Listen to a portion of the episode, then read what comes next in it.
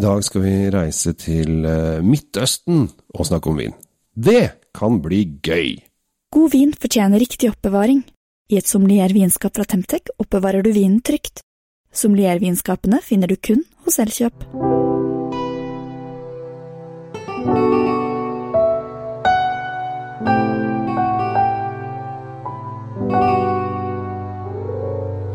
Hjertelig velkommen til eh, dagens podkast. Nå er jeg så heldig å beskue over på gladgutten eh, Tom Amrati Løvaas, som sitter eh, klar til å fyre fra hofta. For dette her er noe du har gleda til, eh, Tom? Du, jeg har grugleda meg litt, fordi vi har snakket lenge om å lage en, en episode fra Libanon. Det har vi. Ja. Og eh, nå, nå, er- nå gjør vi det. Nå gjør vi det. Da er vi i gang. Det var hyggelig. Eh, Velkommen alle sammen. Vi skal snakke om Libanon. Ja. Eh, Libanon er jo et, eh, det er et spennende land. Det er et veldig spennende land. Jeg bare skyte inn at vi har jo, du og jeg, en tendens til å snakke om romerne hele tiden. Ja. Og det har jeg fått kjeft for. Har du fått kjeft? Tilsnakk? Fått, tilsnakk eh, skriftlig da, på, på nettet. Ja. At, det, må, det må jo være noe annet å snakke om enn romerne. Ja, og da skal vi snakke om Fønikerne denne gangen. åh, De kommer før romerne. De kommer før romerne. Ja, og de bodde jo i Libanon. De bodde i Libanon, annet i byen Tyr. Veldig. Det var Ja. en av hovedstedene deres. Og fønikerne var veldig, veldig driftige folk. Ja, det var jo et sjøfarende folk, som man eh, liker å kalle dem. Ja, og de dominerte jo hele Middelhavet, egentlig, ja. med handel, stort Ja. sett. Eh, De var ikke så krigerskassa altså, til å begynne med, men så, så gikk det over, da. Og så fikk vi disse Hannibal og gutta som kriga en del. Så, ja. Ja, ja, ja. Altså litt uh, uoverensstemmelser kommer fort eh, frem. ja. Men eh, de startet altså innerst i Vika i Middelhavet. Eh, og du, altså, du bare se på kartet, Kjell Gabriel, så du trenger ikke å være rakettforsker for å se at dette er jo på en måte svingdøra mellom øst og vest. Ja, altså, eh, jeg drev og forska litt på noe, noe nudler eller pasta her om dagen. eh, og da var det den store diskusjonen da om hvor kommer pastaen fra. Er det fra Kina, eller er det fra Italia, osv. Og, så og dette her gikk jo da Altså, den handelen har vært tidlig. Og da gikk det jo da tvers gjennom det området vi er i nå, Libanon. eh, og der, det er døren da de kom da med kameler og dromedarer og eskler og så videre, med varer, og så kom de til vannet, ergo Libanon, og så frakta de da på sjøen videre. Ja, og så spredde det seg rundt til, til det vi liker å kalle vår verden. Ja, De kalte det ikke spedisjon på den tiden. Eh, Det ordet har kommet i etterkant, men det var egentlig det de drev på med. Ja, de var ja. flinke handelsmennesker. Ja. Ja. Datidens Tåten-transport, som vi kaller det nå. Ja, ikke sant? Ja. Dessverre da, så har det området har også vært prega av mye uroligheter. Det har vært konstant krig så lenge det finnes skriftlige nedtegnelser. eh, Og da snakker vi sånn tilbake til Babylon og enda eldre. Asyria. Assyria. eh, Vi kan nevne Altså alle har jo erobret eller slåss om akkurat det landområdet der. Det som britene kalte Palestina. Mm. Det som eh, romerne, da, som vi kommer tilbake til, også hatt en eh, nobb i eh, noen hundre år. Mm. Jeg, altså, jeg har jo da, jeg har studert historie, og en av hovedoppgavene mine handlet da om eh, Israel-Libanon. Så jeg kan jo bitte lite grann om det. Men en ganske morsom greie er at Winston Churchill han var jo leder for dette området for pga. britene. Det var gøy du sa det, for da fikk jeg skrytt litt av hva jeg kan. Eh, og eh, på den tiden når han holdt på der, han var marineminister og, og palestinaminister og litt sånn forskjellig, så eh, var det en konge som døde i, i Syria og Libanon. Og da var det en annen kar som hadde Nå, da, den, det landet skal jeg ha. og så samla de en hel hær, og nå skal vi opp og hente landet vårt. Og så syntes Winston Churchill at det var en ganske dårlig idé. Så han eh, sendte da en, et telegram mot han for å si liksom dette her bør du ikke gjøre. Eh, og så fikk han tak i den da, i Amman. Og så sier han ja, ok, men eh, da må jo ha noe land. Og så må jeg ja, ja, ja. Kan ikke du bare ta det området rundt Amman, da, så får du det? Så ble jo da, da Transjordan, eller Jordan som det er i dag. Eh, og så sier han ja, ja, men da skal jeg ha litt penger i tillegg. Eh, og den dag i dag så betaler engelskmennene Jordan masse penger. Fordi at denne avtalen var at ja, jeg godtar dette landet her pluss litt penger. Så øh, det er en morsom historie at du bare Du kan bare gi bort altså Det bodde jo folk der. Det var jo noen andre som bodde der. Jo, men det er, det er jo en lang, lang, lang historie om å gi bort land som ingen eier der nede. Ja, ja, så det er bare det er morsomt å fikk litt vin. Det er ikke alltid vi får lov å prate om Winston Churchill utenom champagne. Og det er veldig fint at vi også kan prate om det i dag òg, selv om vi ikke skal snakke om det videre. Vi skal ikke det, for vi skal, eh, vi skal ikke gå helt i mål ennå. Vi skal snakke om fortsatt gamle dager. Ja. Eh, og du snakket om eh, hvordan Jordan og Amman og, og sånn kom. Eller Trans-Jordan. Det det var ikke de første engelske menneskene som eh, gjorde seg gjeldende der. Det var jo store kamper under napoleonskrigene. Eh, vi hadde før det så var det jo eh, korsfarerridderne, som eh, var jo stort sett franske, italienere og ja, var noen tyskere, og så briter.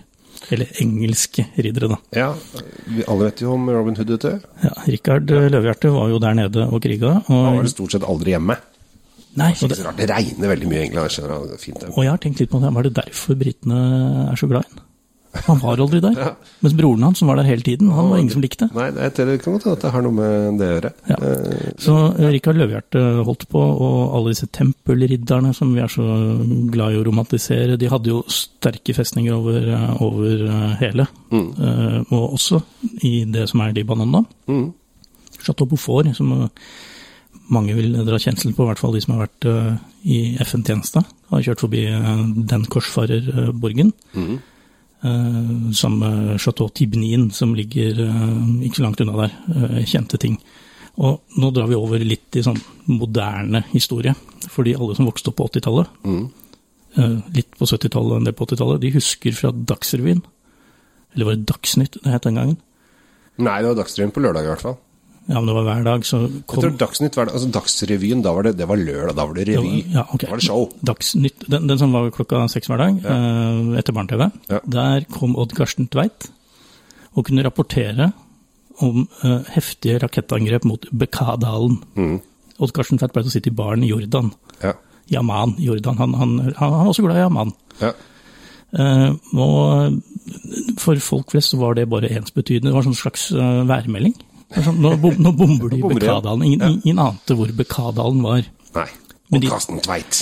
Odd Karsten Tveit eh, visste hvor det var. Ja. han, eh, han hadde vært eh, offiser i eh, FN-styrkene. Å ja. Det hadde han. eh, før han eh, slo seg på å bli reporter for NRK. ja. Eh, nå er det litt sånn festlig da, når, eh, når jeg skal snakke om Libanon, at eh, vi, vi var jo over 21 000 nordmenn som eh, har holdt på å krige der nede i 20 år. Ja, for det, det, du har jo en tidligere Libanon eh, ja, Unifil. Unifil. Ja. Eh, Det var andre filer der nede også, som FN-misjoner, men, men den største kontingenten av nordmenn som, som egentlig har vært utstasjonert etter, etter annen verdenskrig, da holder vi Tysklandsbrigaden unna, Mm. det var til Libanon. En hel, en hel bataljon, Mm. Størrelse med en liten garden. Han eh, bodde der nede i 20 år, i det som het Norbat. Og når 21 000 nordmenn har eh, brukt eh, deler av livet sitt på et veldig spesifikt område, så setter jo det sine spor. Så jeg regner med at mange av mine FN-kollegaer som hører denne episoden, de vil ja, enten riste på hodet, eller så vil de si nikke gjenkjennende og si ja, ja, se der, ja, nå er det endelig noen som snakker om, om det også, mm. i forbindelse med, med vin, da, og det er litt rart. Og vet du hvorfor det er rart? Nei. Jo, fordi de fleste av oss som dro eh, ut den gangen var rundt 20 år. Ja. Det siste vi tenkte på var jo vin. ja. Ja, veldig få av oss brydde oss egentlig om det. Det var jo mer eh, en liten eh, heisatur til Israel eller Beirut og så få seg en øl. Det var liksom det som var greia vår. Ja, altså Beirut var jo, hva de kalte det, Midtøstens Paris. Det var det. Jeg var der da midt på 80-tallet, 89-90 da jeg var nede. Da var det ikke så veldig mye igjen av Paris, kan du si. Da var Da var det Midtøstens. Da, da var det mye Midtøstens. Ja. Da var det mye krig. Det var jo en grunn til at FN i det hele tatt dro dit, og fortsatt er der. Ja. Du må ikke glemme det, selv om nordmenn har dratt hjem, så, så er det fortsatt en grunn til at de er der. Det er ikke, det er ikke fordi de syns det er så veldig pittoreskt og vakkert. Det er Nei, det det at eh, det. det, det er litt urolig fortsatt.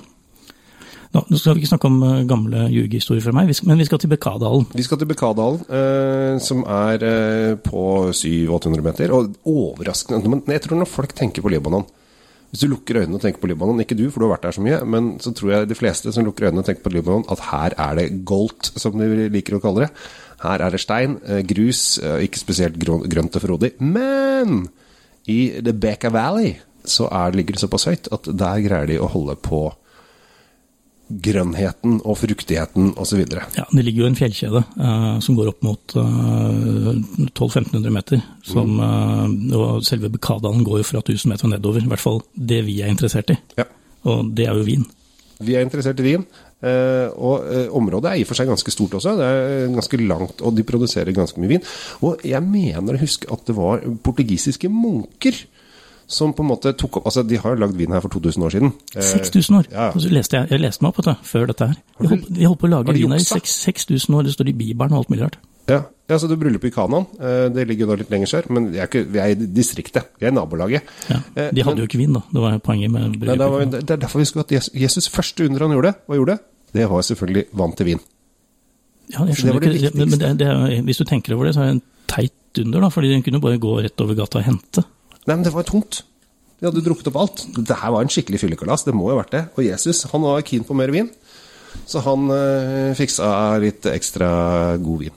Jeg har vært på søndagsskolen, og der, dette har blitt snakket om som den flotteste greia i hele verden. Det er- det er veldig vakkert. her sitter vi små barn og bare 'Å, så glad, de fikk vin, yay!'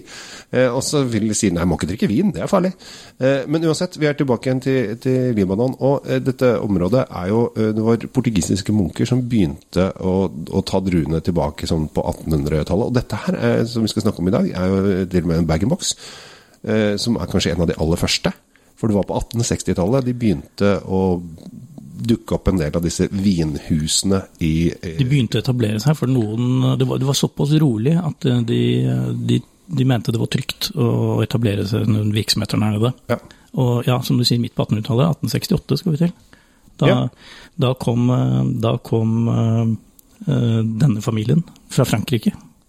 Det er helt korrekt. og etablerte da det som nå heter Domaine des Tourelles. Og nå, nå blir det sånn, veldig mange begynner å heve øyenbrynene der ute når vi snakker om dette huset som er ikke veldig kjent eh, enda, men er på fremmarsj. Og så Ja. må jeg legge til at de finner mange hus fra Libanon som er eh, til stede på polet.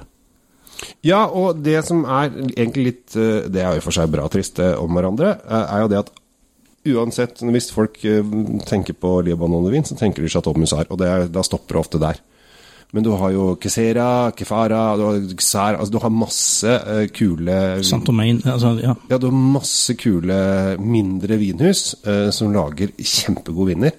Men det er på en måte blitt eh, litt glemt, fordi at den har fått sånn flaggskipgreie. At man liksom glemmer alle de rundt, da. Ja, men vi må ikke underkjenne uh, jobben som, uh, som uh, familien bak Mussar har gjort for å fremme libanesisk vin. Fordi de har gjort en enestående jobb, og den, mange sier at det er en hype, og at den vinen er, er ikke verdt pengene og sånn.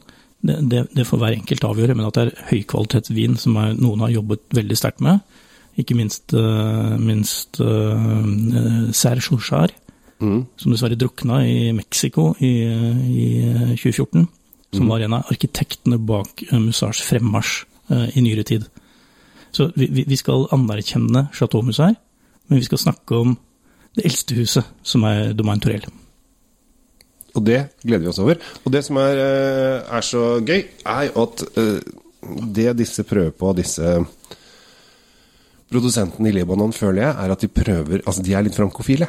De er ikke bare litt frankofile, det er veldig. De sender sønner og døtre og fetter og kusiner og bikkja og alt mulig rart til Frankrike for å studere og jobbe og slite i vinmarkene på de mest anerkjente husene i Burgund, Bordeaux og i eh, Rondalen.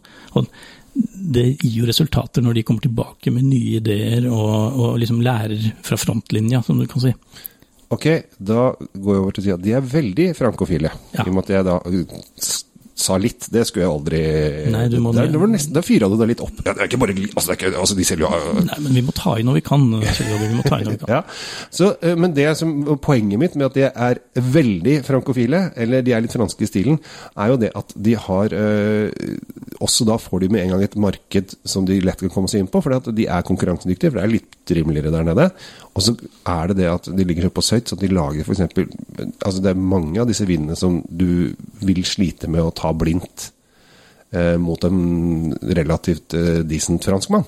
Ja, du skal, være, du skal være ganske dreven før du i det hele tatt beveger deg inn i området. Ja, så det er, må vi glede oss over, og dermed, eh, i og med at vi gleder oss over det, så må vi tenke at her bør vi faktisk kanskje fokusere mer på Libanon eh, som et morsomt land. For det første så trenger de eh, antageligvis penga mer, mer enn eh, franskmennene gjør. Altså Vi snakker om et land som fikk var det fire millioner eh, flyktninger fra Syria plutselig i fanget. Pluss at koronaen, koronaen som vi er midt oppi nå, har gjort dem fullstendig konkurs. Så Ja. nå får du, du, får, du får ingenting for de få pengene du har. Nei, og plutselig så smalt jo også en sånn der eh, stasjon nede på havna der, så de har, har, litt, de har litt å jobbe med, da. Ja, det var litt uheldig lagring av kunstgjødsel på De På tok, dokken en, der, eh, tok en liten en der. Eh, Men så her kan du faktisk drikke litt vin med god samvittighet, er det jeg prøver å, å formidle. For jeg syns at de leverer på et høyt nivå, samtidig som at vi kan ha glede av det som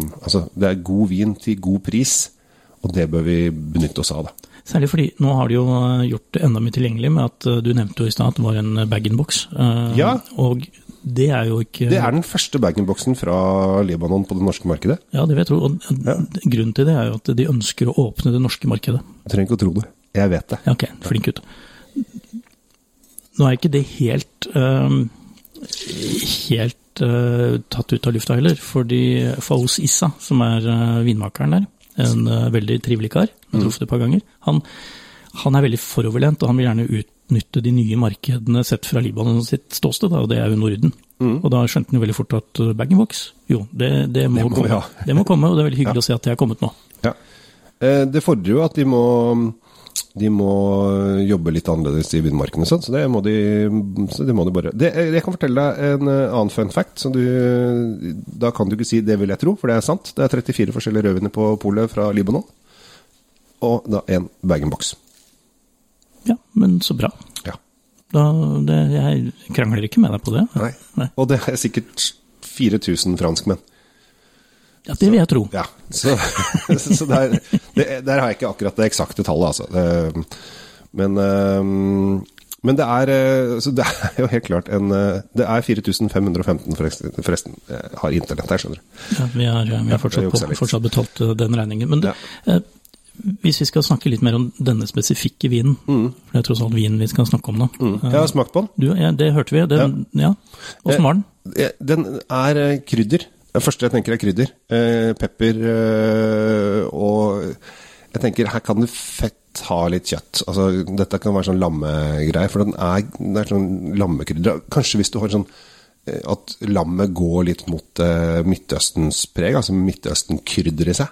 Ja, altså. Lammekebab-varianten. Eh, kanskje ikke kebab, men altså litt i den stilen der. Eh, så har du, har du en skikkelig en her. Og så er den ganske frisk. Det er friske bær. Og har en eh, litt sånn krydra, urtete ettersmak som jeg syns, funker fint. Og eh, har Har en eh, den er frisk.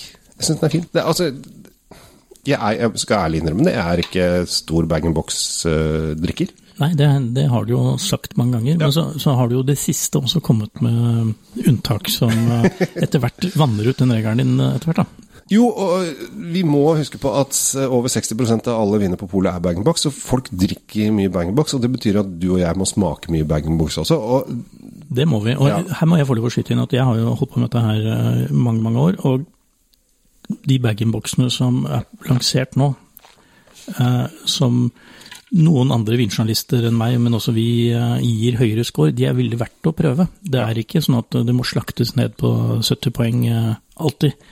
Nei, og bag-in-box kommer seg mer og mer, og de som, de som lager eh, bag-in-boxer nå, de må altså, det er, altså er, de må inn på det markedet, altså Vinprodusentene må inn på det markedet og konkurrere. Og I starten så var det sånn Ja, ja, vi har en bag-in-box, det var Men nå er det sånn Shit, hvis du får en storselger av en bag-in-box, er det, det, altså, det er masse penger. Klart Og du det, har faktisk- å, og, og en annen ting er jo det, eh, det skal vi ikke eh, kimse av lenger, og det er jo transportkostnader og produksjons- Ja, og tilvirkningskostnader og miljøavtrykket som alt dette gir, og bag-in-box kommer veldig godt ut av det. Ja, og folk prøver Altså, det med konkurranse er jo for seg en god ting. Eh, men nå kommer da lagrede rødviner på bag-in-box. Det kommer uh, Feinherber, Riesling altså, Nå kommer det liksom viner som alltid har vært på flaske. De begynner nå å komme seg inn på bag-in-box. Uh, og du får bag-in-boxer som koster 800 kroner snart. Uh, denne her gjør jo ikke det, men, eh, for den er vel sånn ca. rundt halvparten. Eh, men det er, det er snakk om mye Altså høye, høye priser eh, på Ja, bag-in-box. kvali- kvaliteten er, er, er stigende også på bag-in-box. Men det er klart du må vite hva du gjør, da, for det er fortsatt mye gjennomsnittlig eh, der ute, for å bruke det uttrykket. Eh, Jo da, og eh, hvis du Jeg pleier å si sånn Prøv å finne ut hva de topp ti vinnene vinene på bag-in-box er, og så prøv å unngå det litt. Ja, de mestselgerne snakker Ja, du om nå. Den, ja, den, ja, fordi folkesjela er et dårlig indikator på, på hva folk burde like, skal vi si det sånn. Ja, og så er det ofte at eh, de, de, de mestselgerne er ofte litt kjedelige. eh, Og litt sånn uinteressante. De er liksom ikke noe spennende i smaksbildet. Men det var det som var så bra du sa akkurat nå, for denne er det. Denne er litt spennende i smaksbildet. Ja, for den har den syrligheten, den har krydderet, den har friskheten, den har bærgreia, og den har urter, den har eh, Den har flere ting, mens kanskje en kjedelig smaker bare rødvin. Altså den smaker Ja, den, ja, jeg skjønner, jeg skjønner akkurat hva du gjør. Det som er morsomt med dette, er jeg smakte flasken i fjor, og har smakt eh, fire-fem årganger av Torells. Og jeg har også hatt blindsmaking mellom en del av disse eh, Nå lager jeg sånn gåsetegn, gåseøyne i, Ja, i lufta her. Eh, Disse ukjente libaneserne opp mot den store stjernen, rockestjerna Musar. Mm. Og jeg husker at jeg var en av de eh, som på den ene smakingen sa at denne er en reell utfordrer til Musar hvis du smaker den blindt, og tar bort eh, navnet og bare ser på innholdet. Og i og med at Musar ikke har kommet med noen bag-in-box ennå, vi får ikke sammenlignet denne med, med stjerna, men jeg vil fortsatt påstå at dette er et veldig godt alternativ til deg som vil kanskje spare et par hundrelapper på en flaske, i hvert fall. Helt klart. Og dette er, nå har jeg brukt internett igjen, det er da det nest eldste vinhuset. Var nest eldste. Ja. Da- Etter da Chateau Foucra, men den tror jeg ikke er i Norge. Nei, men da kan vi Det er eldste i Norge. Ja, eldste i Norge. Men det, da ljuger de når, de når de påstår at de er eldste. Sånn er det. Ja. Eller de pynter på sannheten og forteller den på en god måte. Det er lov. Ja. Du må dra på litt for kjente. Så da kan jeg få lov å komme med en liten oppfordring til mine, mine kollegaer, FN-veteranene fra Unifil der ute, og si det at eh, hvis dere vil ha en liten smak av gamle dager, eh, nå som eh, mange av oss har passert kanskje over 30 år, Ja. og enda eldre, så er det hyggelig å tenke tilbake på den tiden, på godt og vondt, men med noe ekte libanesisk i glasset. Kanskje ved siden av en lammerett, som du sa. Ja, jeg tror hvis du har litt sånn eh, rett og slett litt middelhavskrydder i en, eh, noe lammegreier, så tror jeg det har vært helt eh, kanon. Ja, og når vi spiller inn dette her nå, så er vi jo på full fart inn i våren. Den er eh, meldt eh, om ikke lenge, og da er det jo lam som Plutselig gjelder. så kommer en sånn der Plutselig kommer våren. second winter og third winter og sånn. Nei, Vårjevndøgn har vel akkurat vært. Ja, og dette her kommer til å bli helt eh, kanon. Jeg syns det er gøy med at eh, Libanon kaster seg på bag-in-box. Eh, prøv, eh, prøv det. Eh, test ut. Det er ofte det at når man tester er veldig lett å teste viner opp mot hverandre. Det gjør. Ja, ja, vi tester viner opp mot hverandre. Men det er veldig få som gidder å teste bag-in-box. Skal vi kjøpe tre bag-in-box, liksom? De koster 400-500 kroner stykk. Da blir sånn, det blir for mye. Hver tre stykker, kjøper en hver. Se hvem Ja. som vinner. Ja, Vin, vinneren, ha, ha vinneren for potten. Konkurranseinstinktet bør være her. Så øh, 505 kroner koster boksen. Syns jeg er helt topp. Eh, og mer matvennlig eh, enn kanskje drikke alenevennlig. Jeg vil nok eh, foretrekke å ha noe ved siden av, ja. Ja. Eh, og lage en metze eller eh, noe annet rart fra, fra det området. Høres helt fantastisk ut. Ja. Tror jeg, skal vi stoppe der? Jeg tror, jeg tror vi har vært gjennom Libanon nå, på en måte. Jeg har ikke fått med alle Libanon-historiene mine, men jeg skal la det ligge. Kanskje vi får noe libanesisk vin ved en senere anledning, og da kan jeg stikke innom både den ene og den andre. Det Du får litt historiepreg, og jeg håper at folk syns det er spennende at vi ikke bare snakker vin, vin, vin, vin, eh, men også litt historie, kultur, eh, vitenskap eh, og fanteri. Første nordmann som var nevnt i å ha mm, gjort en jobb der nede. Sånn gjennom historien, vet du hvem det var? Det tipper Sigurd Jorsalf var. Helt riktig. Yes! det var gambling. Og da er 1006 el- Er det rundt 1100? 1121. Ja. Ish. Da bodde han på Chateau Tibenin, som ligger ved Tibenin Nå er jeg veldig fornøyd med, historiekunnskapene mine. Ja. Du kan din Snorre også. Ja. Vi runder av der med Sigurd, Jorsalfar Kjell Hvem Gabriel og, gøy. og meg. Og så og så er det da Domain des Torells som eh, har vært stjernen i dette programmet. Ja. Heng med på alle våre podkaster. Abonner, sånn at du kan få høre de om igjen og om igjen. Eh, Du er så heldig at her er det både Drinkfeed og Kjell Svinkjellers podkaster som sender samtidig, så her kan du høre det dobbelt opp. Så I stereo, får- faktisk. Ja, det kan du også. Og de dukker jo av og til opp litt forskjellig, så du kan liksom bli reminda. Så vi ser om eh, hvem som legger ut dette først. Det er ikke noen konkurranse, det er bare sånn som skjer. Takk for oss. Ha det bra. Oppbevarer du vinen din riktig hjemme? Med et vinskap oppbevarer du vinen din trygt, i rett temperatur. Se etter sommeliervinskapene fra Temtec.